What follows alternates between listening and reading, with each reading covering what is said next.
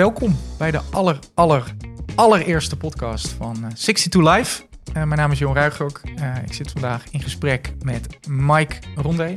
Mike, welkom. Leuk om hier te zijn. Goed dat Tof. je er bent. Echt te gek. Um, fijn dat je tijd wilde maken om met ons uh, een uurtje te gaan praten over jullie fantastische bedrijf. Meditation Moments en alles wat daar omheen gebeurt, maar vooral ook heeft plaatsgevonden. Um, het idee is om vandaag eigenlijk een klein beetje terug te kijken, maar ook vooral vooruit te kijken en met jullie, uh, ja, eigenlijk door even gewoon samen echt te gaan kijken naar wat jullie allemaal hebben gedaan, hoe jullie processen eruit zien. Uh, dus we gaan vooral infocussen op marketing en op techniek, een stukje product development wellicht. En, ja. um, dus allereerst Mike, nogmaals welkom. Het gek dat je hier bent. Um, wie ben jij? Wat kan jij allemaal? En vooral, hoe is Meditation Moments ontstaan? Ja, nou ja, zoals je al zegt, ik, uh, ik ben Mike. En uh, ik denk dat ik me het best kan beschrijven als een soort spin in het web. Uh, en als ondernemer. Dus nou, ik, ik, was al heel vroeg aan het ondernemen. Zeker, nou, ik, ik, was nog niet oud genoeg om me in te schrijven bij de KVK. Dus er moesten ouders mee om een handtekening te zetten. een beetje die categorie. Heel goed. Dat is eind nou, midden HAVO geweest. En, en daar ook al snel eigenlijk eerst gestart in een eenmanszaak. En toen vrij snel gefuseerd. Twee eenmanszaken naar FOF toe. Heel goed, ja. met mijn compagnon toen Joey. En wij bouwden websites en heel snel webapplicaties. En hadden altijd al een grote fascinatie voor, voor mobiele apps. dus zo gaandeweg, we hebben allebei gestudeerd in Amsterdam. Joey Software Engineering, ik bedrijfskundige informatica, wat, wat toffe toen al heette Business, IT en Management. Ja. En nou ja, tijdens die opleiding zijn wij gewoon ons softwarebedrijf gestart. en ik, kreeg, ik focuste me op de, op de business en nog steeds.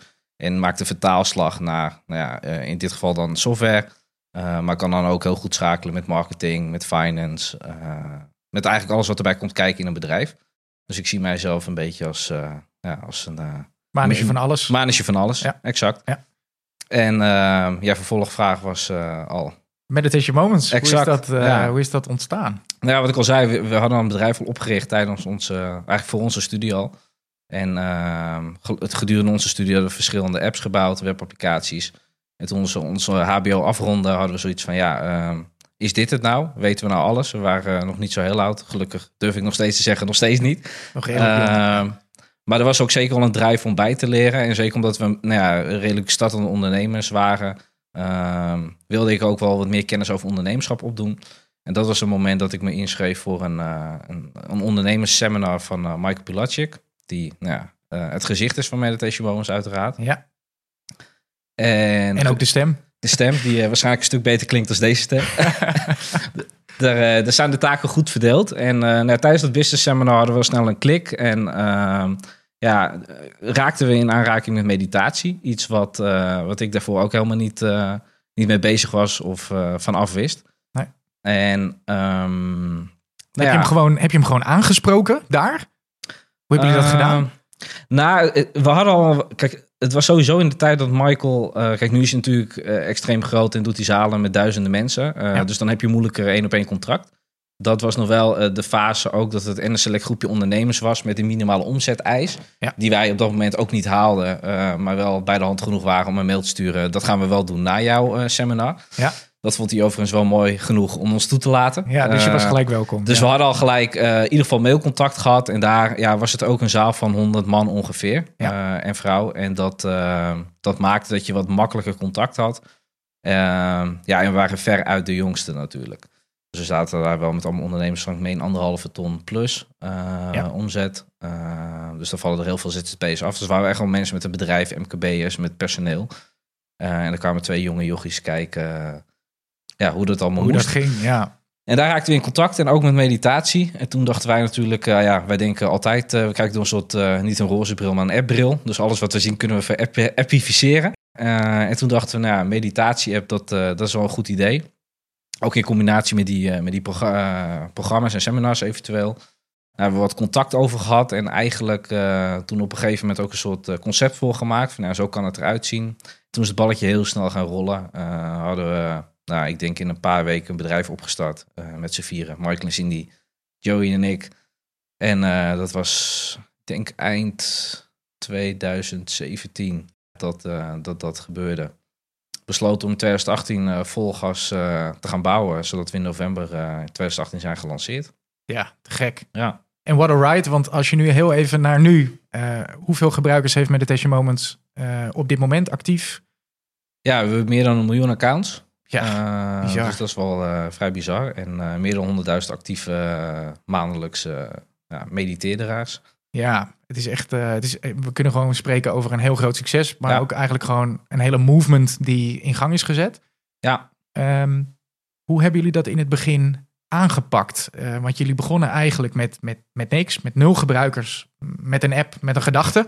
Ja. Uh, zijn, jullie, zijn jullie helemaal heel lang gaan bouwen en, en, en eerst uh, naar een. Of, of, zijn jullie een beetje meer MVP gaan werken? Dus, dus snel iets proberen en kijken waar de tractie zit. Hoe, hoe hebben jullie ja. dat toen aangepakt? Ja, ik ben zelf ook, nou, je zegt al, voorstander van Lean Startup, heel MVP werken.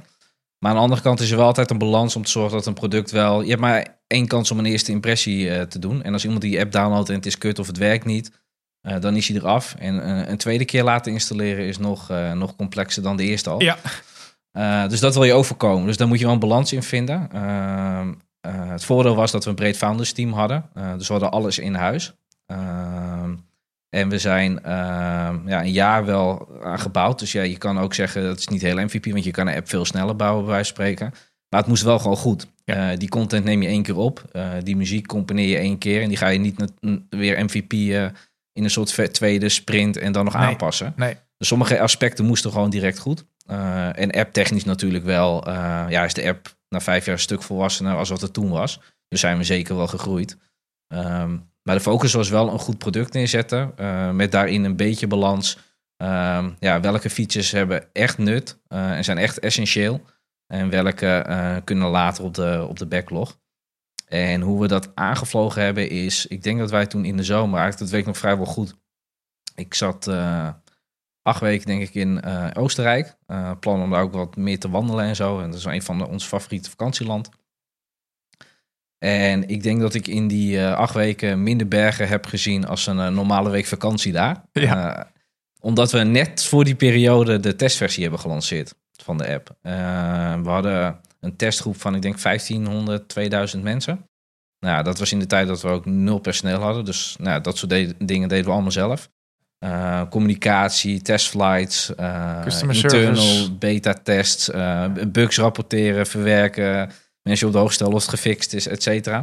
Dat was een hele drukke periode, ja. maar heel veel van geleerd. En eigenlijk een soort pre-launch, waarbij we ja, heel veel ja, fouten en verbeteringen er al uit hebben kunnen halen. En daarnaast hadden we natuurlijk ook al wel wat voor de app al ervaring met andere apps. En wisten we ook wel hoe we een gebruikersvriendelijke app moesten bouwen. Uh, en dat maakte dat wij toen uh, november uh, 2018, toen hebben wij een soort pre-party ook nog georganiseerd, één of twee dagen voor de grote lancering. Ja. Met 150 echt superfans. Want we hebben altijd wel de focus gehad op ja, creëer ambassadeurs van je merk. Uh, daar komen we later ook denk ik nog wel even op terug dat dat echt wel goed gelukt is. Ja. Want, we hebben heel veel ambassadeurs. Maar dat begint gewoon met heel goed luisteren naar je klant. Eén op één contact, zeker in het begin. je, er, je klanten echt kennen. Ja. En, en daar je product op aanpassen. En toen we lanceerden hadden we dus eigenlijk bij de start direct al 150 fans. We hadden ook een zaaltje afgehuurd om dat nou, te vieren met elkaar. En dat waren de eerste 150 nou ja, klanten. Die dan wel overigens direct lifetime premium access Premium kregen. kregen, ja. Hey, die, die, je gaf aan, we hebben getest met 1500 mensen. Hoe, hoe kwamen jullie bij die mensen terecht? Kwamen die uh, uit de achterban ook van Michael en Ja. Cindy toen al een Ja, klein beetje? Kijk, dus dat is ook een groot voordeel natuurlijk. Dat, dat daar al een, een bepaalde bekendheid en following base was. Ja. Die we hebben kunnen nou ja, activeren om, uh, om die app te testen. Uh, dus dat, ja, dat ging voor ons vrij eenvoudig. Ja. Uh, Ja, dus dat hielp. Die mensen hebben zich aangemeld voor Ja. de beta. En vanuit daar kreeg je gewoon ongelooflijk veel feedback al terug. ja, Met andere woorden, de lancering was eigenlijk in die zin al een stuk beter voorbereid. ja, ja, doordat je ja. gewoon deze mini-launch, pre-launch eh, hebt gedaan. Ja. Te gek. Hey, als je nu kijkt, hè, ehm, zeg maar toen, 2018, eh, en waar jullie nu in 2023 staan. Hoe, hoe ziet het team er nu uit? En hoe is dat in vijf jaar gegroeid? Ja, dat is een groot verschil. Ja, Wat ik zei, we waren... toen we startten met, met een breed foundersteam. Dus we hadden marketing in huis, de content in huis, techniek... eh, en degene die als manager van alles, alles aan Dat elkaar knoopte. ja. Eh, Ja. En we konden dus, dachten we ook best wel lang, eh, redelijk naïef, met dit clubje wel door. Nou ja, totdat je lanceert dat het succes is. En dat je heel snel ook bijvoorbeeld customer support aan wil haken. Omdat je anders helemaal nergens meer naartoe komt overdag. Nee. Ehm, dus dat was eigenlijk de eerste, eerste stap. Eerste Dat- uitbreiding, de eerste uitbreiding.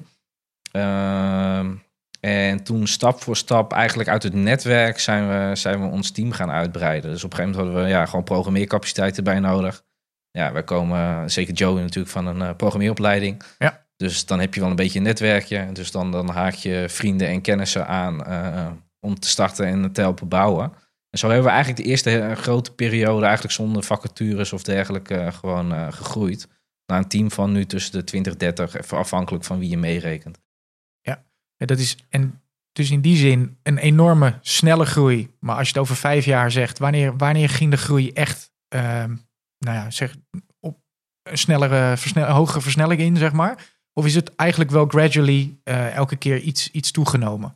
Nou, ik denk dat dat redelijk geleidelijk is gegaan, waarbij de snelheid misschien in het be- begin ietsje lager was. Ja. Ehm, maar maar van de, ja, ik denk de laatste twee jaar redelijk geleidelijk. Ja. En, en maak je daar dan ehm, vanuit jouw perspectief hele bewuste keuzes in? Dat je op een gegeven moment zegt, oké, hier wil ik op groeien. Ehm, eh, hier hebben we extra capaciteit op, op, op nodig. Want qua strategie heb je eerst eh, mensen ingehuurd om, om te kijken of die functie de functie is die je in wil huren. Om vervolgens te kijken of je dat met meer mensen of met eigen mensen kan invullen. Hoe heb je dat aangevlogen? Nou, redelijk pragmatisch, denk ik. Op een gegeven moment, eh je voelt als ondernemer natuurlijk wel waar, waar het stokt. En, eh, en, Ja. en zeker als je met z'n vieren bent. Ja. En dan heb je daar gewoon eventjes een eh, overlegje over. En dan, ja, dat is eigenlijk al te veel genoemd, zo'n overlegje. Dat voel je heel snel aan en dan is iedereen het dan snel mee eens. En zeggen, ja, we moeten er iemand bij. Ja. Want het niet doen is eigenlijk, ja, een hele stomme keuze. Ja. Ehm, ja, dus dat, dat is redelijk organisch gegaan eigenlijk. Ja. Als je nu kijkt naar jullie, jullie huidige eh, capaciteitsbehoeften en, en wellicht wervingsstrategie, hoe, hoe ziet dat eruit? Want nou, we horen, eh, als wij vanuit, eh, vanuit 62 zeg maar, kijken in onze mailbox, dan krijgen wij iedere dag wel aanvragen, help, we zoeken personeel en we kunnen niemand vinden. Ja. Hoe is dat voor jullie en, en heb je het idee dat jullie organisatie daar op een andere manier eh, mee omgaat? Of zit je, loop je tegen dezelfde uitdaging? Je zit in de techniek, dus je Ja. zoekt vooral technische mensen. Ja, dat is ook gelijk de moeilijkste, moeilijkste onderdeel, die, die te vinden. Ja, Ik denk dat wij mazzel hebben dat wij een bepaalde purpose ook hebben. We zijn niet sec een bedrijf die eh, alleen maar winstoogmerken hebben. Ja. Eh, wij eh, ja, verbeteren echt wel het leven van heel veel mensen in Nederland. Eh, Ja. eh, en daarbuiten zelfs. Dus dat helpt gewoon om jonge talenten te, te werven. Want die willen gewoon, eh, ja, plat gezegd, eh, niet voor een eh, suikerdrankje de marketing vaak doen. Nee. Eh, maar voor een product dat ja, het leven net even beter maakt. Ja. En ja, dat is bij ons redelijk, redelijk zichtbaar. Ja, dus je merkt echt dat mensen Ja. daarvoor ook kiezen om bij jullie Ja. te werken. Ja. Het is in die zin eigenlijk wel een hele mooie extra motivatie om, om bij jullie in ieder geval te solliciteren. Ja. Op het gebied van techniek werkt het daar hetzelfde, de technische werving. Eh, Nou, ik denk dat, daarin- ik denk dat iedereen die bij ons werkt daar, eh, daar hetzelfde gevoel wel bij heeft. Eh, en wel weet waar we het voor doen. We hebben bijvoorbeeld in Slack ook een, een Y-channel. waar, waar elke dag bijvoorbeeld de klantenservice of het social team nou, een berichtje of een reactie van een klant plaatst. Wat, nou ja, waar wij, wat je eigenlijk wel kan noemen life-changing. Ja. Eh, of in ieder geval heel erg veel waardering uit, uit blijkt. Eh, en die hebben we echt dagelijks. Dus dat, dat is mooi en tastbaar om te zien hoeveel impact we maken. Want dat is natuurlijk, ja, het zijn op een gegeven moment hele grote aantallen. Tja. En het, het zegt wat minder. Maar als het heel persoonlijk wordt of je zelf in de klantenservice mailbox zit, dan, dan weet je wat, je wat we eigenlijk realiseren met elkaar. Ja. Eh, Ja, het lijkt zo simpel in die zin een, een stuk techniek. ja, Maar ja, als je inderdaad de reviews online leest, eh, ja, is het voor sommige mensen echt, echt een ongelooflijk life-changing. eh, Ja. eh, ja, eigenlijk een stuk techniek wat jullie, Ja. wat jullie bieden. Ja, wij bieden natuurlijk wel een bepaalde oplossing voor een probleem. Wat, nou, het stond volgens mij gisteren al op nu.nl. Eh, ja, de halve dag op, op de voorpagina. Iedereen vliegt met een burn-out van, van de baan. Ja. Ik denk dat Nou ja, ik denk het niet, ik weet het. Één op de vier slaapt gewoon slecht. Ja. Ehm, Eén keer per maand minimaal. Nou, dat is extreem veel. En als jij Ja. een hele nacht slecht slaapt, dan heeft dat effect op de hele dag. En op een gegeven moment, als je daar in een bepaald patroon raakt, eh, voel je je echt kut op een gegeven moment. Ja. Dus als jij dan een oplossing, of in ieder geval een deel van de oplossing daarvoor kan bieden, ja, dan, dan kun je snel reacties verwachten van, eh, ja, wow, eh, dit, heeft me echt geholpen. Ja, precies. Ja, want dat, dat probleem, je, je schetst het al even kort, burn-outs. ehm, een hoop mensen gedurende de coronaperiode eh, in isolatie. eh, Ja. eh, sociaal, eigenlijk op allerlei aspecten heeft de, heeft de app eigenlijk best wel een hele grote impact. Ja. Had je dat vooraf überhaupt kunnen inschatten? Nou, ik heb wij, het geldt voor Joey en mij dan altijd wel zoiets gehad. We willen dingen bouwen die, die waarde toevoegen. Dat, Ja. dat stond eigenlijk al in onze eenmanszaak in onze slogan, bij wijze van spreken. Ja. Ehm, en eh, we hebben bijvoorbeeld ook voor Wim Hof in het verleden de app gebouwd. Ja. Ehm, en, en ja, het voegt allemaal wel iets toe. En eh, hetzelfde is, we wisten van tevoren ook wel dat meditaties en een rustmomentje een essentieel ding aan het worden waar, eh, zouden zijn. Ja. En erg belangrijk zou worden. Uh, iedereen is continu druk, uh, altijd die telefoon in de hand. Uh, en het idee was ook, nou, laten we op die telefoon een plek creëren waar je dan even rust kan vinden. Ja.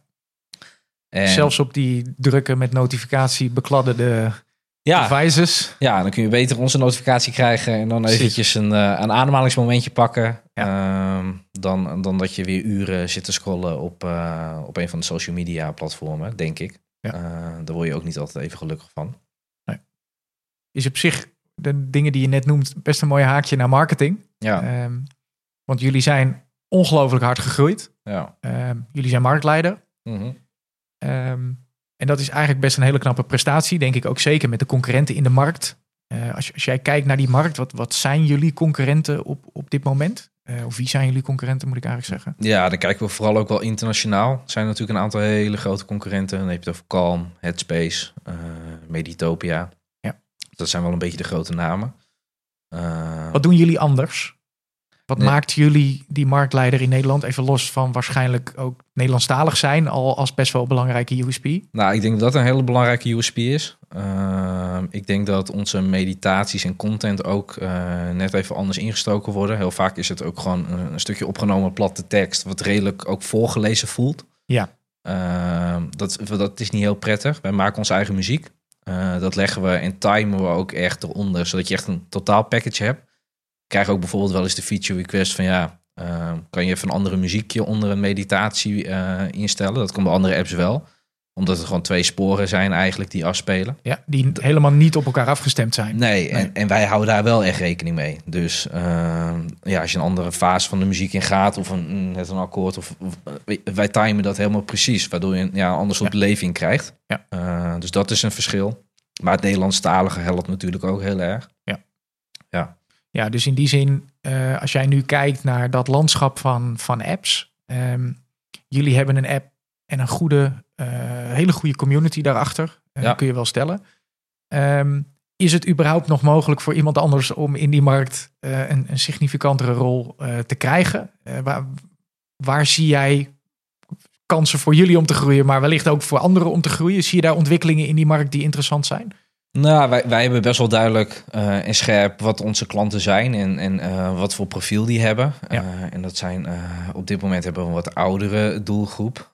Ja. En er is ook een, een, een, veel jongere doelgroep. Die spreken ook over het algemeen um, beter Engels ook. waardoor ja. dus het voordeel van Nederlandstalig iets, iets minder essentieel is. Ja. en dat is wel een doelgroep waar wij bijvoorbeeld in Nederland nog flink mee, mee kunnen groeien. Ja. ja. ja, want dan zeg je de ouderen doelgroep. Ja. Um, is dat ook de doelgroep die over het algemeen met wellicht ook die burn-out verschijnselen op die topics. Maar ja, je hoort ook nou, dat jongeren nee, dat, dat veel dat hebben. is heel verschillend, ja. Die, dat, dat kun je denk ik niet wegzetten. Ik denk zelfs dat jongeren op dit moment veel Misschien meer... nog wel meer? Ja, ja, je kan het eigenlijk niet uh, bagatelliseren of echt in een hoekje uh, schuiven. Maar jongeren hebben op dit moment het wel echt extreem zwaar. Ja. Hebben we ook gezien tijdens corona. Ja. Um, dat, ja, dat zien we aan de klantenservice stickers, de aantal accounts, het, het gebruik. Daar Ja. is wel wat gebeurd in die, uh, in die twee jaar. Ja. Zijn we als bedrijf ook hard gegroeid in die, in die paar jaar. Was overigens ook qua team een hele aparte, aparte Ja. periode. Daarvoor waren we nog vrij klein. We remote only, geen kantoor. Uh, nou, tijdens corona een kantoor openen is niet de meest, meest praktische uh, timing. Dus dat is niet gedaan. Ehm, maar later wel. Dus we hebben nu wel een eigen kantoor. eh, en, en eigenlijk dus dat, dat team van voor corona en na corona is eigenlijk best een groot verschil. Ja, waar, waar zit voor jou het grootste verschil? Ehm, eh, is dat ook echt het gevoel van we zijn meer nu een team omdat Ja. we ook op één locatie zitten? Of in ieder geval op een Nou ja, dat is wel belangrijk. Ja, kijk, ehm, ik denk dat veel ondernemers dat hebben. Eh, in ieder geval de, wij als founders van, van Meditation Moments ook hechten veel waarde aan onze vrijheid. Ja. Eh, dus elke, elke dag naar een specifieke locatie, eh, om daar te moeten zijn tussen aanhalingstekens, ehm, is niet super chill eh, voor ons. Nee. En ehm, ja, zo hebben we eigenlijk ons bedrijf dus ook nooit ingericht. Maar ik moet wel zeggen, eh, nu het bedrijf groter wordt en er tussen 20 en 30 eh, man personeel zit, ja, dan is het wel fijn om elkaar niet alleen via Slack de hele tijd te zien en te spreken. Nee. En eh, dan is het goed voor je team om elkaar regelmatig fysiek te zien. Ja. Ehm, ja, het is gewoon, ja, je weet, je, je kunt elkaar beter aanvoelen. Eh, we hebben ook, eh, nou, omdat wij vaak een woensdagmiddag eh, borrel hebben we dan, omdat nou, op woensdagen werken we Breekt zo lekker de week, zeg maar. Precies. en op woensdagen werken we vaak samen op, op die fysieke locatie. Ehm, en dan, ja, we zitten eigenlijk ook omdat wij remote first eigenlijk gestart zijn en geen kantoor hadden, was de locatie van waar iemand werkt ook niet zo belangrijk. Dus ze komen uit heel het land. Ja, Letterlijk. precies. Dus als je dan een kantoor, nou, dan moet je hem ook wel echt midden in Nederland gaan prikken. En dan Ja. heeft iedereen even goed nog best wel wat reistijd. Eh, Ja. Dus er komen mensen uit Friesland, uit Li- Limburg. Ehm, nou ja, we zitten hier nu in de kop van Noord-Holland, eh, relatief dicht eh, bij waar, waar ik zelf woon. Ja. Ehm, dus ja, iedereen is eh, tussen. Ja, er zijn ook een aantal die wonen toevallig gelukkig in, in het midden van Nederland voor hen. Ehm, Dus die zijn redelijk in de buurt. ja, maar er zijn ook mensen die echt wel twee uur, eh, twee uur moeten reizen. Ja, dat is leuk voor een, eh, een dag in de week.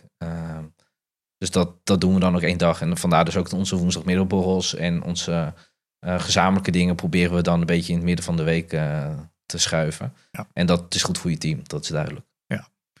Hey, die groei die heeft er flink in gezeten. Ehm, wat denk jij op het gebied van marketing, communicatie? Wat, wat zijn nou de succesfactoren geweest die er de afgelopen vijf jaar voor hebben gezorgd dat jullie naar die, eh, naar die grote groep, eh, met- name ook betalende klanten, laten we dat niet vergeten. Het is geen, het, er is gratis eh, content, er is een gratis versie van de app. Ja, maar uiteraard moet het business, businessmodel gewoon gebouwd worden op een, op een betalende klant die, die de content ook op die manier kan waarderen. ja. Ehm, hoe hebben jullie dat gedaan en, en vooral wat heb je geleerd? Wat zijn de belangrijkste lessen op dat gebied geweest? Kan je daar iets over vertellen? Nou ja, kijk, we hebben een kickstart gehad natuurlijk omdat Michael eh, ook enige bekendheid had. eh, en een grote following base al. Eh, dus dat, dat was voor de eerste paar, nou ik denk de eerste paar duizend accounts hebben we daar best wel snel een, een, een duw aan onze tractie kunnen geven, aan onze groei. Ja. Maar, waar we het in het begin al even over hadden, het goed luisteren naar je klant en er ambassadeurs van maken. Dat maakt denk ik dat wij uiteindelijk een soort sneeuwbal hebben gecreëerd die, bla- die maar blijft rollen. Ja. Eh, want ja, echt me- meer dan de helft van onze klanten die, eh, die aankomen, die komen via via. Ja. Eh, en niet via Facebook advertenties per se. Nee. Maar gewoon dat ze ja, een vriendin of vriend horen die ineens weer beter slaapt en die app ook aangaat. En, en dat is wel lekker al- als app zijnde, dat je niet 100% afhankelijk bent van paid acquisitie. Ja, want die strategie, eh, uiteraard, jullie zetten al die kanalen in. Ehm, eh, je probeert daar ook een soort van winning methodes eh, te vinden. Maar jullie zien echt de groei. Het voornaamste deel van de groei is echt gefaciliteerd door word of mouth. Ja, Ehm, wat mij altijd heel erg opvalt, is dat op plaatsen waarover jullie app wordt gepraat, en dat hoor ik steeds vaker, ehm, dat inderdaad vooral mensen elkaar aan het overtuigen zijn van je moet het ook eens proberen. Ja. Meditatie heeft namelijk toch nog steeds, en ik denk dat het wel minder is geworden de afgelopen vijf jaar, maar het heeft nog steeds een bepaalde connotatie eh, bij mensen. Ja. Denk je dat dat eh, op een of andere manier effect heeft gehad op, op jullie groei? Of heeft dat misschien groei kunnen belemmeren? Dat, dat niet iedereen eh, ja, wellicht open staat voor meditatie, dat wellicht nog zweverig vindt Ja. en daardoor eigenlijk niet helemaal de waarde van dat wat jullie bieden zien? Nou ja, ik denk dat we daar in het begin zou je denk ik daar misschien wel wat last van kunnen hebben gehad. Ehm, trend is wel, en we hebben die discussie intern ook de afgelopen jaar nog wel een paar keer gevoeld, van is die naam niet, niet vervelend? Ja. Eh, meditation Ja. moments. Ja. Moeten we niet moments maken of moeten, moeten we daar wat mee? Ja. Ehm, maar trend is toch wel duidelijk dat meditatie steeds meer geaccepteerd en no- genormaliseerd wordt. Ja. Eh, je kunt denk ik een beetje vergelijken met yoga. Wat nou ja, jaar geleden ook wel een soort gelijkere trend door heeft gemaakt. Maar bij meditatie inmiddels merken wij ook wel, zeker na, tijdens corona, is dat, eh, is dat wel genormaliseerd. En is dat een stuk normaler geworden. Ja, dus in die zin, En uiteindelijk is het ook niks anders dan een momentje voor jezelf nemen. dat is, dat is voor nu ook natuurlijk een van de payoffs Ja. eh, die jullie gebruiken. En die hebben jullie eigenlijk ook in die tussentijd niet heel erg veranderd. Nou, Heb je eh, vanuit marketingperspectief dingen getest waar je achter kwam dat ze bijvoorbeeld helemaal niet werkten of zelfs averechts werkten? Zijn er, zijn er, zijn er momenten geweest dat je dacht, oké, dit die kant moeten we in ieder geval niet op? Of wellicht bepaalde tests eh, die nou, hebben eigenlijk gewoon altijd wel raakgeschoten? Nou ja, dat, dat wil ik niet zeggen. Eh, maar misschien vergeet ik degene, de, de precies. schoten die misgaan. Ja, die staan op de backlog en ja, die, eh, precies. die daar, daar komen richten niet we- meer boven. Richten we de aandacht dan niet meer op. Nee. Nou ja, je het is een continue test. Zeker op natuurlijk als je het over paid-acquisitie hebt en dat soort kanalen. Ja. Dan ja, ben ik daar gelukkig ook nu dagelijks niet meer mee bezig. Nee. Zit daar een eigen team op. Ehm, ja, en die testen natuurlijk continu eh, wat werkt wel en wat werkt niet. Ja. Ehm, ja, en, en wat vaak wel goed werkt is eh, de pijnpunten natuurlijk. Ja, maar dat is common sense over het algemeen. Ja. Dat eh, als je een aantal pijnpunten kan oplossen, dan heb je een business. En als je ook die pijnpunten goed in een, een ad kan verwerken en kan laten zien dat het helpt, dan, dan werkt dat. Ja, en uiteindelijk werkt het natuurlijk in die zin prachtig dat jullie community eh, bevestigt aan iedereen die nog enigszins twijfelt, Ja, eh, ja, dat het, dat het een Nou, dat- fantastische... Dat helpt natuurlijk heel erg. Ook als je naar de app stores gaat. Uh, Ja. ja. als je daar gewoon... Uh, we schommelen een beetje tussen de 4,9 van de 5 sterren of de 4,8 sterren. Ja. ja. Dus dat is echt kantje boord, zeg maar. eh. ja, dat is net aan. ik, ik weet wel dat we heel lang 5 sterren vast hebben gehouden. Uh, Bijna ongeloofwaardig, zou je kunnen zeggen. Ja, ja uh, er was wel een momentje dat we toen naar 4,9 moesten. Ja. Uh, maar volgens mij zijn er geen apps die echt met tienduizenden reviews nog op vijf sterren zitten. Nee. Dat is haast niet te doen, want als je een aantal hebt die wat minder positief zijn, en het slaat natuurlijk niet altijd bij iedereen aan, dan Nee. is dat al niet meer haalbaar. Nee. Maar het helpt wel als jij een hele positieve customer base hebt en dat eigenlijk overal vindt, dan ja, converteert dat wat makkelijker. Hey, die customer base, Ja. die is eh, betrokken, Ja. actief. Ja. Hoe heb je die customer base betrokken bij de doorontwikkeling uh, van de app, of eigenlijk de ontwikkeling van de app? Kan jij, eh, want jij bent eigenlijk ook vaak uh, chief product, Ja. dus je bent eindverantwoordelijk voor het product, de applicatie. Um, dat klinkt altijd heel eenvoudig, maar ik weet inmiddels ook een aantal jaren uh, met jou gewerkt te hebben uh, en jou bezig te zien hoe ontzettend complex dat is. Um, het hangt aan heel veel variabelen vast. Um, maar ik kan me heel goed voorstellen dat uh, jij eigenlijk niets anders hoort en ziet van allerlei nieuwe features. Uh, klanten die op Instagram zeggen: waarom Ja. zit dit er niet in? Kan Ja. dit niet zo werken? Volgens mij werkt het zoveel handiger. Ja. Ik heb dit in die app gezien. Volgens mij doen jullie het niet goed. Nee.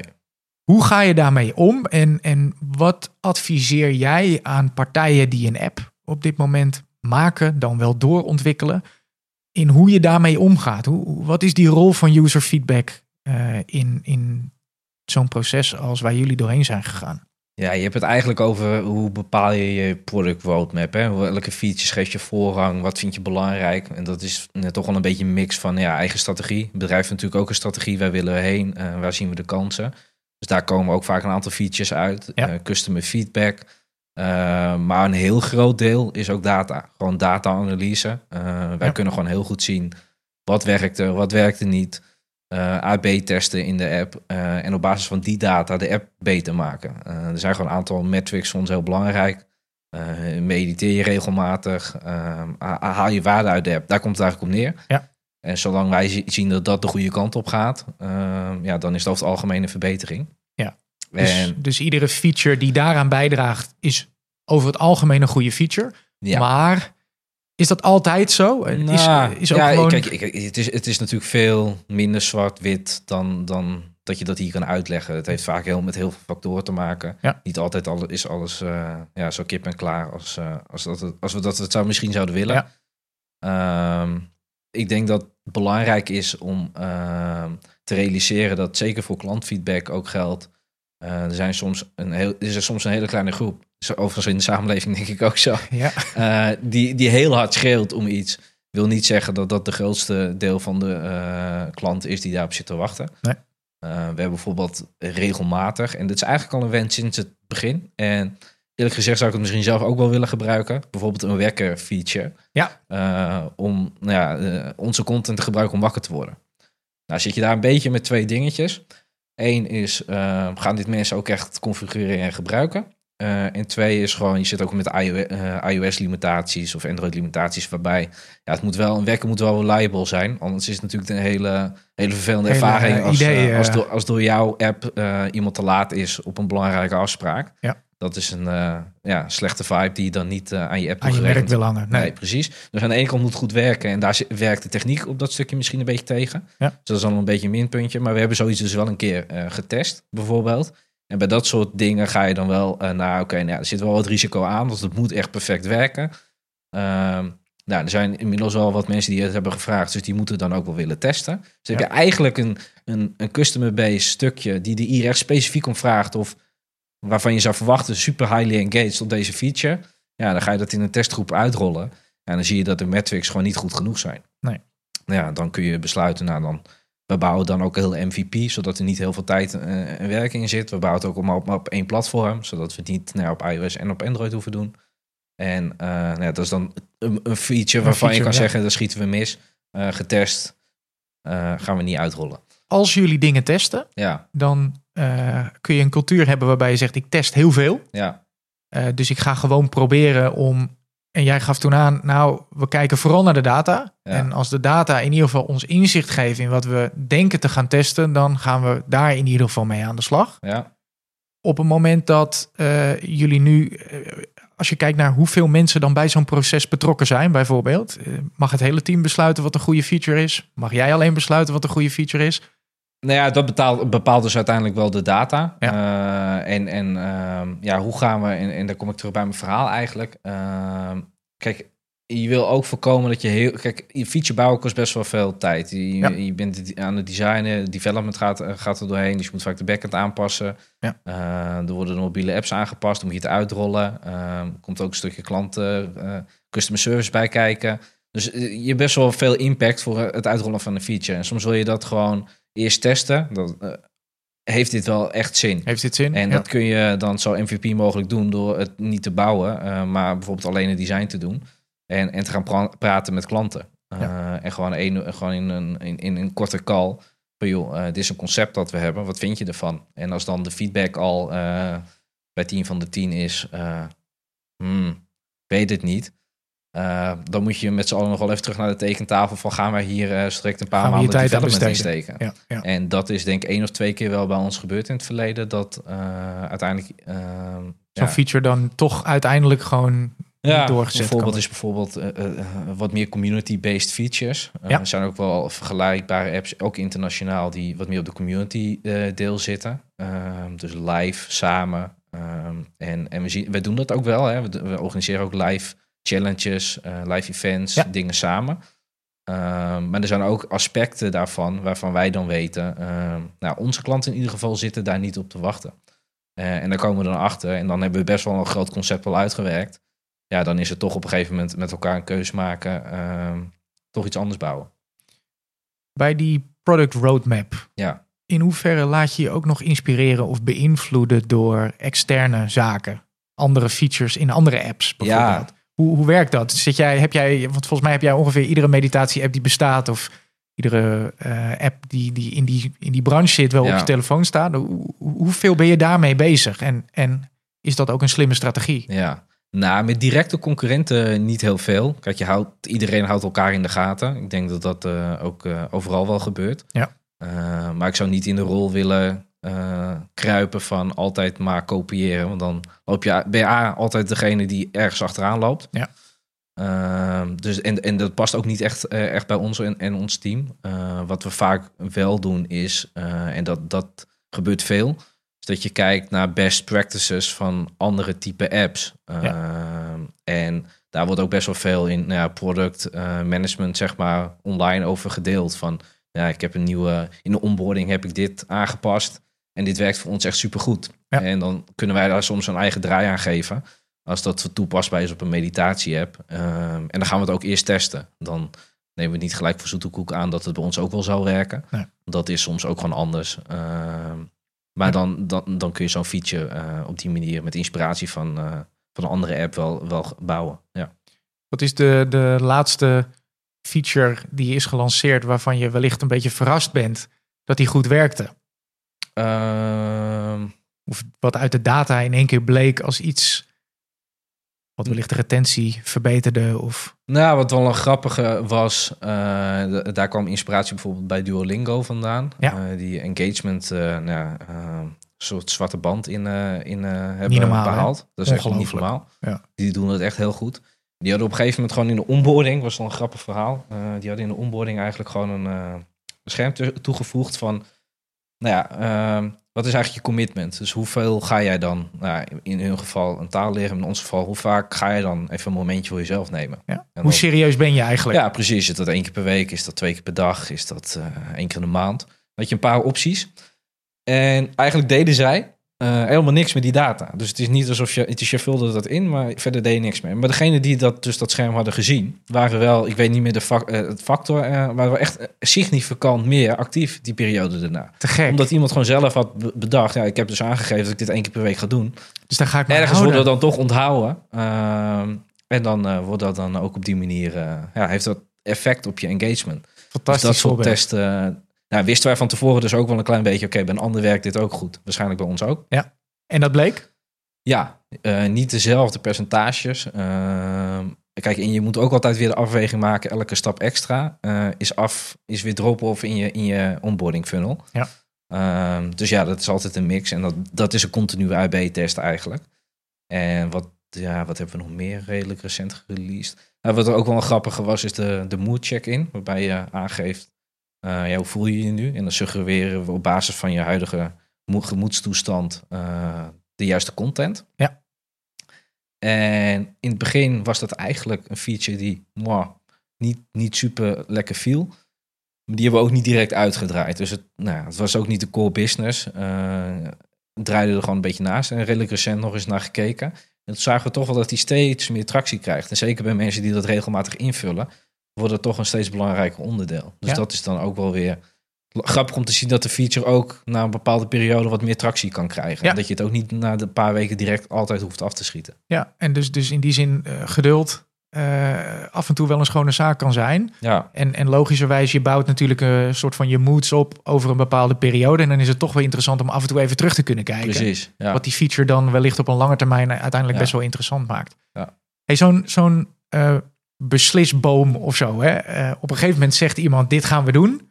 Ehm, hoe, hoe zie jij dat dat zeg maar, idealiter ingericht is? Want betekent het in jullie organisatie dat je daar met eh, wellicht drie, vier mensen naar kijkt... en zeg je op een gegeven moment, zo gaan we het doen? Of is er toch altijd wel één iemand die zegt, oké, we gaan links of we- gaan rechts? Want wat mij altijd opvalt, eh, zeg maar, wat jullie voor impact kunnen maken met die 20 tot 30 mensen... Ja, Ja, ik schrik me altijd dood als ik zie hoeveel mensen bij Calm werken bijvoorbeeld. Ja. Of bij Headspace. ja. In hoeverre kun je nog zeg maar zo'n die, die processen verbeteren? Of heb jij het gevoel dat als er nog 200 man bij komt dat het... Waar, waar zit dat grote verschil? Ik vind Nou, dat zo bijzonder. Kijk, als je een grote organisatie hebt, kun je wel meer doen ook. Ehm, Dus eh, we hadden net het voorbeeld van Duolingo. Die hebben denk ik iets van 15 product managers. eh, voor elke, die hebben een aparte onboarding product manager, een aparte engagement product manager, een aparte, aparte nou, whatever product manager. Ja, en er is dus gewoon meer aandacht. Eh, maar de andere kant is ook, als je naar efficiëntie kijkt, ehm, doordat wij, nou, we zitten ook in een beperkt gebied, voornamelijk Nederland natuurlijk. Uh, maar het dwingt je ook om de juiste keuzes te maken en te focussen op de dingen die er echt toe doen uh, met elkaar. Dus ja, het heeft een voor- en een nadeel om met een heel groot team een heel. Ja, er komt heel snel heel veel extra overhead bij als je extreem gaat schalen op die manier. Ja. En onze ja, bedrijfsfilosofie is altijd wel om.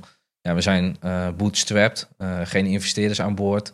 Uh, varen liever, ja, weet je, eigen koers. Eigen koers. En willen ook niet afhankelijk zijn van dat we altijd maar de juiste cijfertjes in een Excel-sheet na een kwartaal moeten laten zien aan investeerders. Dat, Nee. dat, is denk ik ook niet altijd de meest, zeker niet in onze business, de manier hoe je, hoe je dat bedrijf zou willen opbouwen. Nee.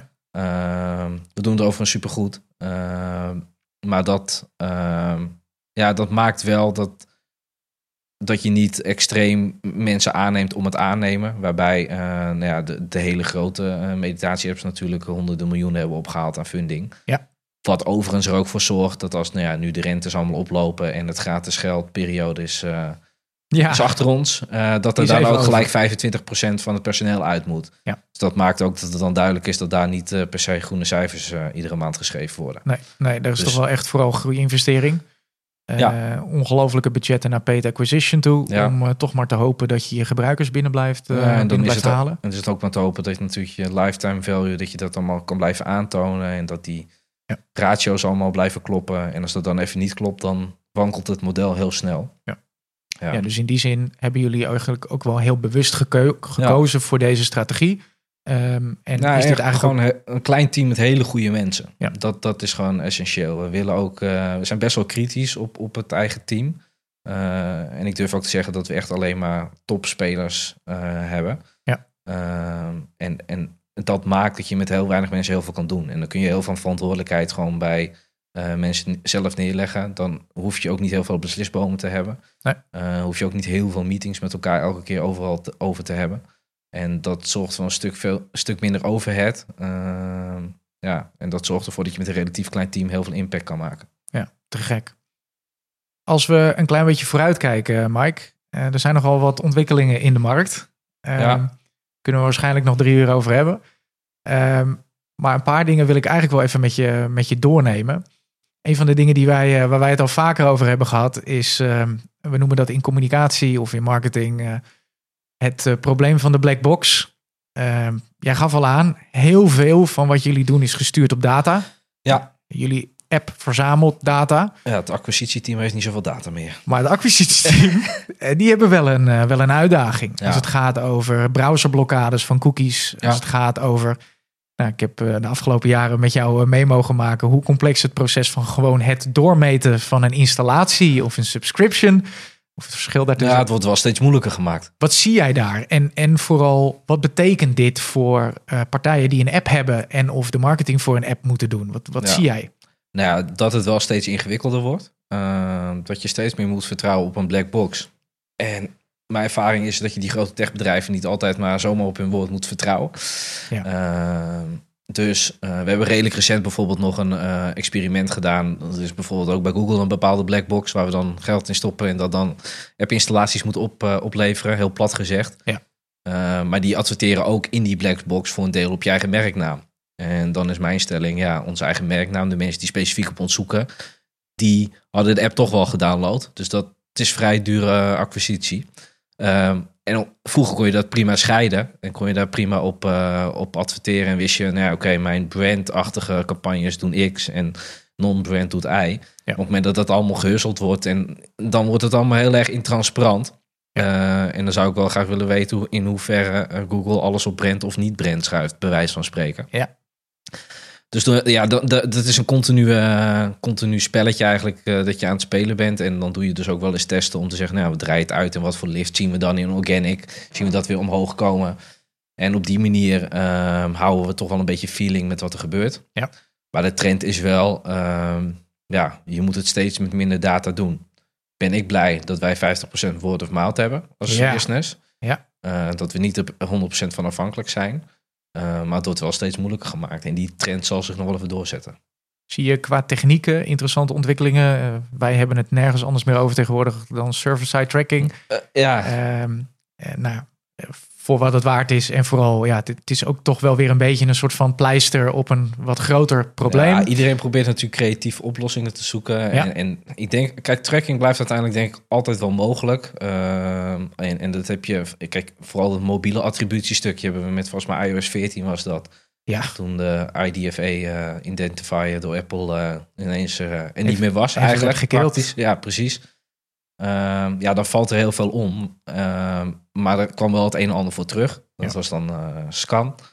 Ja. En ehm, ja, dat, dat zorgt er eigenlijk voor dat je wel, eh, wel data terugkrijgt. Maar dan moet je wel minimaal een x aantal installaties doen.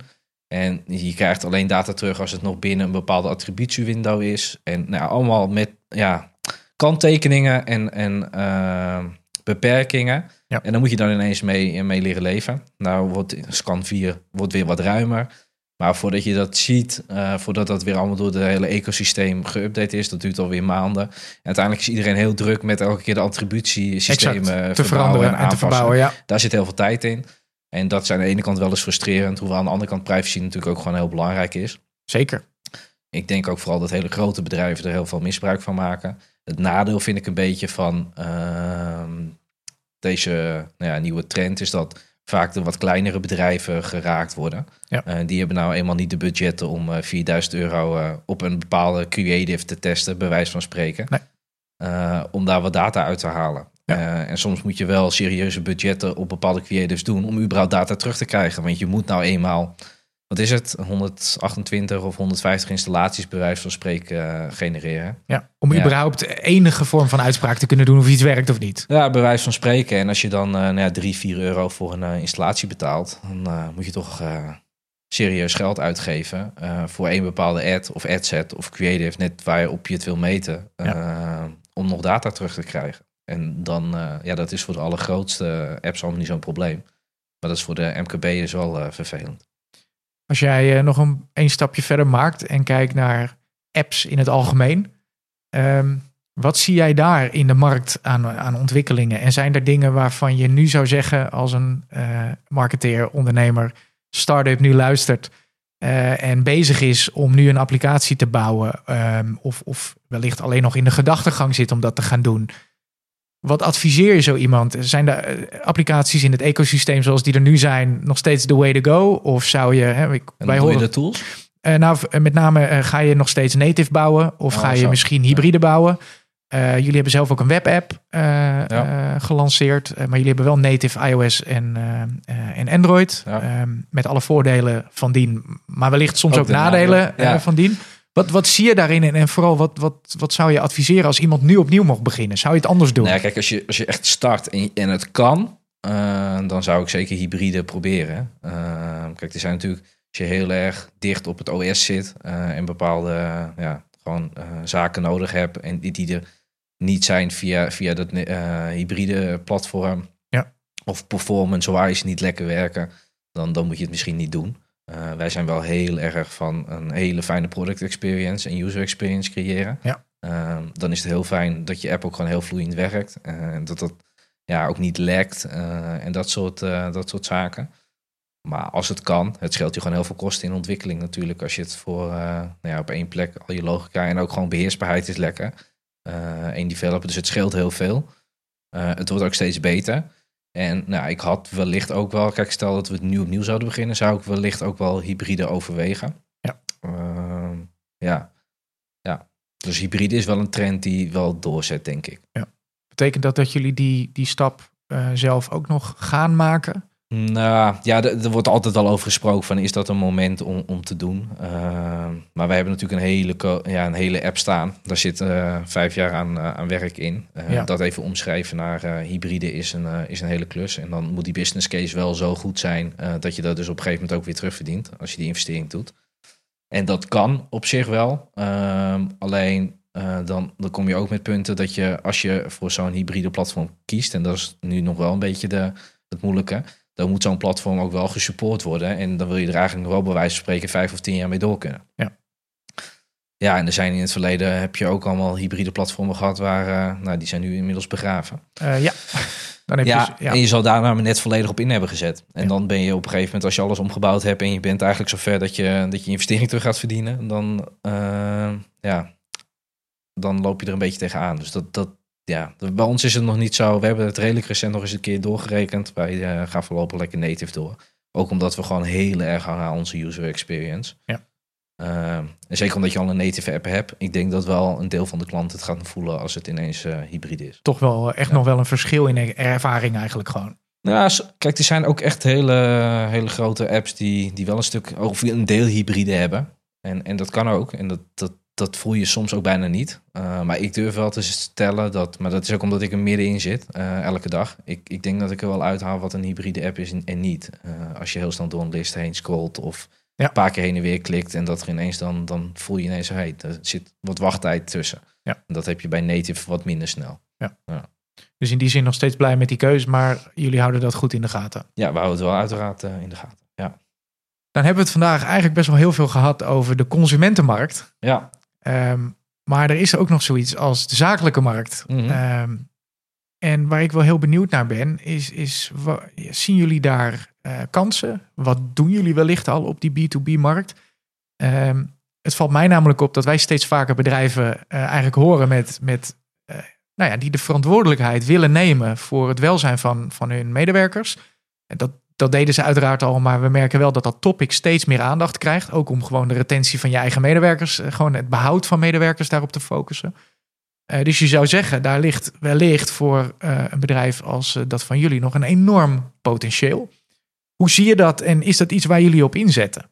Ja, nee, de, de B2B-markt is, is een extreme opportunity voor ons ook. En wat je al aangaf, heel veel bedrijven benaderen ons op dit moment zelf ook. En ehm, kijk, eh, je gaf het net eigenlijk al een beetje aan. In Amerika zie je die trend natuurlijk ook al een beetje. Eh, heel veel personeel is gewoon mentaal eh, nou ja, niet fit. Laten we het zo maar even stellen. Ja. Die slapen echt heel slecht, hebben echt last van werkstress. We zeiden het net al, tot gisteren ook weer de hele dag op nu.nl. Er is wel echt wat aan de hand. Eh, en er is ergens ook wel wat voor te zeggen dat werkgevers een, een, een, een plicht hebben, eh, al dan niet een morele plicht, om daar in ieder geval wat aan te doen. Ja. Eh, en het goede nieuws is dat ze dat ook wel op beginnen te pakken. En, en logischerwijs, omdat wij dus ook zoveel tevreden klanten al hebben. ja, vanuit organisaties al naar ons toe komen van, nou ja, als wij er wat aan gaan doen, dan zou ik eens kijken bij Meditation Moments. Ja. En dan mailde de HR-afdeling ons wat er is voor een, een B2B-propositie. Ja. Want dat is iets waar we eigenlijk sinds begin dit jaar nu eh, ja, actief wel eh, aandacht aan aan het besteden zijn. En we zijn dat eigenlijk een beetje in een pilotfase nu aan het opstarten. Ja. Ehm, waarbij er een eh, ja, propositie is waarbij alle medewerkers toegang hebben tot de app. En dat er een aantal extra onderdelen in, die, in dat aanbod bijkomen. Eh, en dat Kun je, eh, mag, kan je daar iets over zeggen? Wat, wat, wat Nou, is, zou het verschil tussen B2C en B2B kunnen zijn? Eh, ja de- kijk, we, we hebben net een beetje een onderzoek gedaan. Die resultaten zijn net onder onze eigen klanten een beetje terug.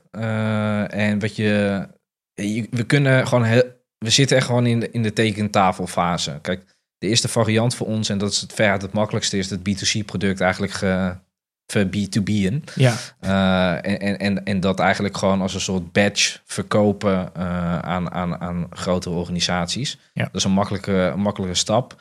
Maar ehm, we willen natuurlijk ook meer. We willen, ja, eh, er, er is een heel groot probleem op te lossen.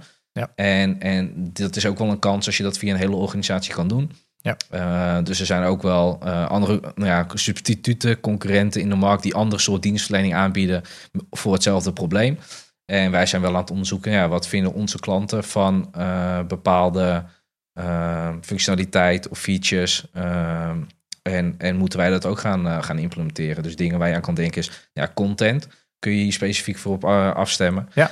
Ik denk dat heel veel van de content die erin zit heel erg geschikt is voor werkgerelateerde problemen. Eh, stress, eh, nou ja, slapen is overdag dan een probleem op de werkvloer. En daar zit natuurlijk al heel veel content voor in. Ja. Eh, maar toegang tot een coach of psycholoog, bij wijze van spreken, zijn ook zaken waar we, eh, waar we over nadenken. er zijn een paar hele Eh. grote partijen in de markt nu, hè, die daar ook ongelooflijk hard op groeien. Ja, precies. Eh, en je hebt internationaal hebben we ook wel gezien dat Headspace eh, ook extreem is gaan samenwerken eh, met een partij die dat ook deed.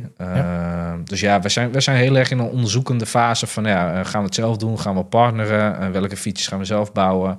Ehm, nou, het is natuurlijk een, eigenlijk een hele nieuwe business unit. Je moet, je moet nadenken over integraties, want ja, grotere organisaties hebben ook geen zin om couponcodes rond te gaan sturen naar medewerkers. Nee, Dus die willen single sign-on of eh, Ja. ja, andere slimme manieren ook qua facturatie. Dus dat, we zijn een beetje in die fase nu eh, aan het piloten met een aantal bedrijven. ja, te Ja. gek. Dus daar ligt A, untapped potential, eh, Zeker, om, ja. om het zo te zeggen. Wat denk je waar, waar jullie je dan wellicht vanuit Meditation Moments verder nog op kunnen onderscheiden? Is dat feature-wise? Is dat omdat je die client base al hebt, dat je daardoor makkelijker kan... eh, ja, voor ons is natuurlijk dat client base is een, is een mooie manier om, om te groeien in die markt. Ja. Dus wij hebben ik, een, ja, echt een extreme berg aan leads al, eh, al liggen. Eh, dus dat, dat is al nou, een gouden positie om eh, uit te starten. Ja. Maar we moeten daarnaast ook natuurlijk gewoon eh, heel veel eh, ja, features gaan toevoegen en, en waarmaken. Ehm, willen we daar succesvol in worden. Tof. Mooie, mooie ontwikkeling dus. Ja, ja. Hey, als, eh, als laatste, ehm, waar ik nog even graag op, eh, op zou willen inzoomen. Jij ehm, bent, eh, zoals ik jou ken, een eh, heel hardwerkende jongeman. Ehm jij hebt ongetwijfeld voor de luisteraar, ondernemers, marketeers, mensen die, die werkzaam zijn in deze met name technische branche, tips, tricks, maar wellicht kan je iets vertellen over de manier waarop jij werkt? Ik heb jou wel eens verteld dat ik altijd met, met bijzonder veel plezier kijk naar hoe gestructureerd jouw systemen over het algemeen zijn. Ja. Eh, voor jullie beeld, eh, luisteraars en, eh, en kijkers. Mike is zo iemand die tijdens een gesprek aantekeningen kan maken.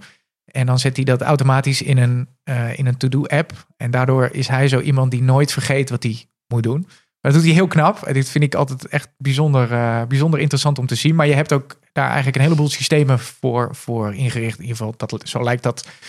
Ehm, en ik vind het altijd leuk om, om dat nog even aan te stippen. Want dat klinkt als iets wat, eh, nou ja, wat misschien, en misschien ben ik dan zelf wat chaotisch. En eh denkt de luisteraar nu nou, eh, Jon, Dat doen we allemaal. welkom in de wereld. in de echte wereld. Maar ik ben wel benieuwd, hoe heb je dat altijd zo gedaan? En, en, en hoe doe je dat nu? En, Ja. en heb je daarin ideeën ehm, van hoe de luisteraar daar, daar wellicht voordeel uit kan halen? Nou, ik heb het niet altijd. Ik ben altijd wel redelijk gestructureerd geweest. Dus het is niet alsof ik niet gestructureerd was. Maar eh, er was wel een periode dat het ineens drukker werd ook in, in het bedrijf. Eh, en dat het wel even nou, tot over mijn oren ook liep. En toen dat ik dacht van ja, hier moet wel wat veranderen qua eh, ja, taak, taskmanagement en aansturing, et cetera. Ja. En in die periode heb ik het boek Getting Things Done van David Allen gelezen. Uiteraard. Eh, dat was volgens mij in de week dat ik ook aan het windsporten was. Want dat zijn de momenten dat ik dan nog een boek lees. Ja, ja. En eh, ik weet nog heel goed dat... eh, en ik was met een aantal vrienden en die, die lagen al op bed. En ik zat dat boek te lezen en ik denk, nou, dit, dit is de oplossing. Dus ik heb die hele, die halve nacht heb ik al die systemen omgegooid en omgetoverd. En, en ben met Kun je, die kun je voorbeelden noemen? Nou, eh, eh, een van de principes van hem is bijvoorbeeld een, een wachten op lijst. Eh, en dat weet nou, een, een deel van jouw team ook. Ja, ja. ja. als iemand wat tegen mij zegt dat hij dat gaat opleveren... ehm, Dan zit hij bij jou in het bakje dan zit hij op. ook bij mij in het bakje. Niet alleen bij degene als het goed is die Ja, het moet uitvoeren. maar dat betekent ook dat ja, heel vaak blijven er toch ook gewoon dingen liggen bij mensen die wat minder gestructureerd zijn. Ja. Uh, maar het is voor ons dan als organisatie wel belangrijk, of voor mij op dat moment om mijn taken af te kunnen ronden, dat daar wel continuïteit in blijft. Ja. Dus dat komt dan in een bakje met de tech uh, wachten op.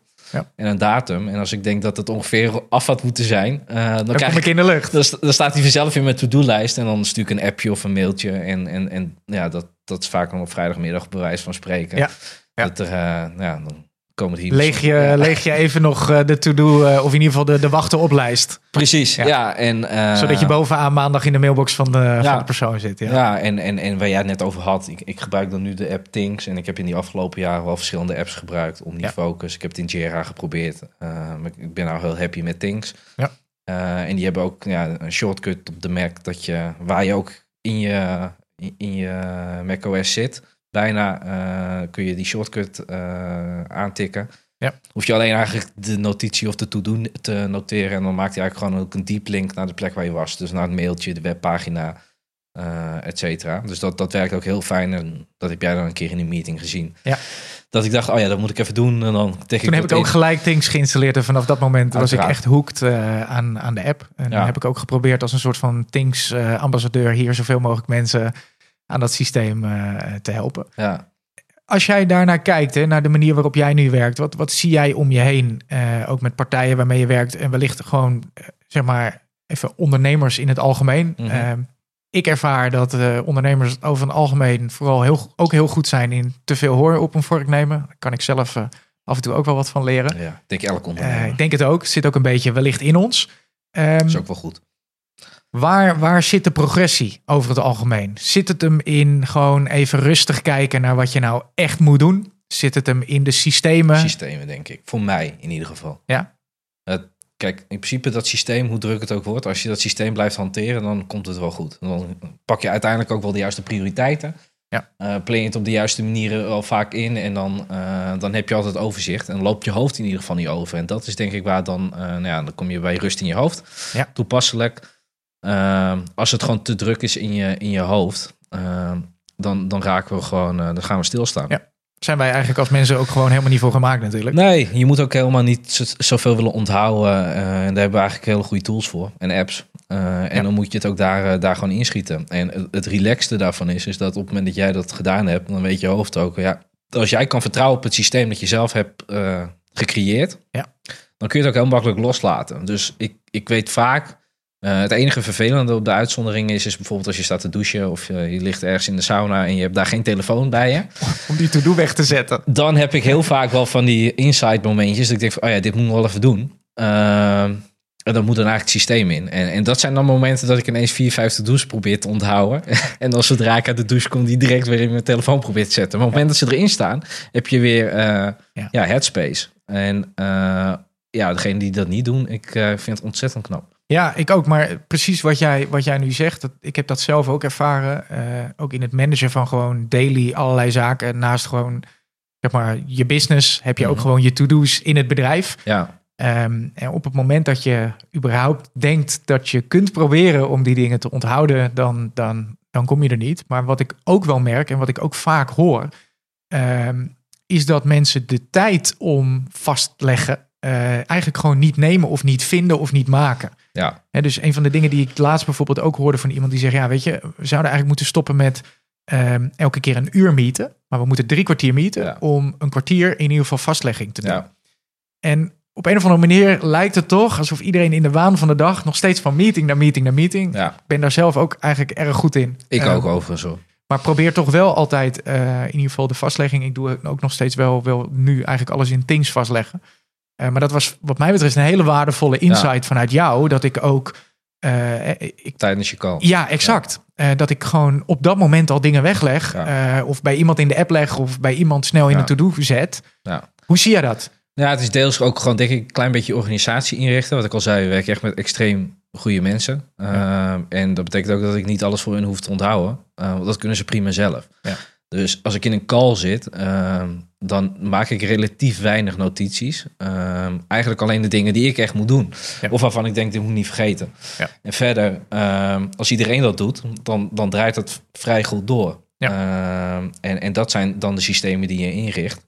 En ja, net wat jij zegt, een klein dingetje als Things. En dat, ja, het kost je één keer, bij wijze van spreken, haal één keer een dag uit je, uit je, uit je agenda. Eh, en dat kan makkelijk. Als je, En een dag echt als je een dag goed ziek bent, dan is je ook weg en dan kan het ook. Ja. Dus die dag is er echt wel een keer te creëren. Ja. Ja, lees dat boek of, eh, of, of, of een andere task management eh, filosofie of systeem. Ja. En richt het in. En dan is de kunst het eraan houden. Want het, het vooral, dat, dat, dat ging mij redelijk goed af. De momenten dat het moeilijk wordt, is als het druk wordt. Ja. En dat is niet zozeer dat je dan het systeem niet meer goed werkt. Eh, Nee, maar dat je maar omdat het zo druk is dat je, Ja. dat je het niet meer in het systeem stopt. Omdat je nou ja, inderdaad van meeting tot meeting loopt. Eh, en eigenlijk dan denkt, oh ja, dat ga ik vanavond nog even doen. Dan voeg ik het nog wel even toe. En ja, dan op een gegeven moment dan ga je dingen vergeten. en dan vallen de dingen bij het systeem. Consequentie is dat jij niet meer kan vertrouwen op het systeem, waardoor je dat niet meer doet. En dan zit je in een vicieuze cirkel naar beneden. Dus dan, en dan is het altijd goed om even een dagdeel te pakken om te zeggen: Oké, ik, ik, vis het hele, ik haal het hele net op eh, en ik gooi alles weer in het systeem. Vanaf nu werk ik daar weer vanuit. Ja, dus eigenlijk kunnen we concluderen op het moment dat je te vaak de app meditation moet opstarten omdat je te weinig rust in je hoofd hebt, dan wordt het tijd om die halve middag weer even Ja. in te boeken, want dan moet het net opgehaald worden. Ja, Ja. ja. Hey, dank eh, voor, eh, voor al jouw input. Ehm, leuk. even voor de, voor, de, voor de luisteraars. Ehm, wat kunnen we verwachten de komende periode van jou en, en van Meditation Moments? Eh, wat groei je richting die B2B-markt? Ja, Zijn er nog andere dingen waar jullie naar uitkijken, waar jullie mee bezig zijn, waar je naartoe wil groeien? Ehm, Ja, we gaan wel dit jaar ook weer hele toffe dingen doen. We zitten ook op een, eh, op een route om, om de content steeds, te- steeds verder te verbreden. Dus we hebben redelijk recent eh, yoga ook toegevoegd. Ja. Eh, en flow van Cindy. ja, te gek. Dus dat is een heel ander type content dat nu in de app ook zit. Ja. Het is niet meer alleen audio, maar ook echt video. En ja, little biased, maar echt goede kwaliteit. Yoga les. Al zeg je het zelf. Al zeg ik het zelf. Ja. Eh, en dat kun je dan ook casten naar je televisie. Dus dat is eigenlijk een hele nieuwe propositie die er ook naast komt te staan. En waar, eh, nou ja, redelijk eh, veel klanten van ons ook wel om gevraagd hebben. En waarvan we ook zien dat het heel goed aansluit bij elkaar. Dus dat is tof. Dat gaan we verder uitbreiden. Cool. Zo komen er nog een paar uh, contenttypes bij uh, die ik nog even geheim hou. Ja, heel goed. En uh, ja, de B2B-markt is ook iets waar we ja, gewoon ook heel veel impact kunnen gaan maken. Er, zijn gewoon, er is gewoon echt een groot probleem in Nederland ja. wat dat betreft. En we zien ook dat een, een, bepaalde doelgroep die heel veel behoefte heeft aan die app, het eerder gaat gebruiken op het moment dat de werkgever hem aanbiedt. Ja. dus als we dat kunnen faciliteren en daarmee ja, ja, de impacten ook weer die jullie daar weer mee kunnen maken. Ik bedoel, als ik dan nogmaals weer een beetje om mij heen luister, inderdaad, hoeveel mensen uh, problemen hebben, uitdagingen ja. hebben, uh, dan, is het, dan is het ook echt hard nodig. Ja, het, het is echt uh, extreem. Ik, ik zit dus nu net in die pilotfase en heb regelmatig nu contact met bedrijven. ja, uitval of ja. percentages van richting de 9% en dan een groot deel mentaal. Ja. wat overigens geskywalkerd is naar corona ook weer. Ja. Ehm, daar is echt, ja, er is gewoon echt wat te doen. Nog even los van productiviteitsdrop, die we ook steeds vaker horen. Hè? Dat Ja. mensen zeggen van uh, gewoon echt de helft van de productiviteit Ja. van iemand weg, omdat ze gewoon.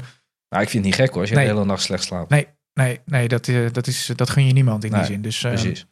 hey, eh, ik denk ook namens alle gebruikers, eh, ik ben zelf dan ook een Meditation Moments gebruiker, ontzettend bedankt voor ook jullie prachtige product. Eh, te gek dat je vandaag aanwezig wilde zijn eh, bij deze eerste podcast. Vond tof. Zeer gewaardeerd. En eh, ja, ik zou zeggen, luisteraars allemaal ontzettend bedankt. Leuk. Eh, als jullie vragen hebben, eh, laat het ons eh, vooral weten. Dan speel ik die stiekem door naar Mike. En dan hoor je dat. Hou ze in de gaten. En eh, ja, tot de volgende aflevering. Thanks nogmaals. Dank je.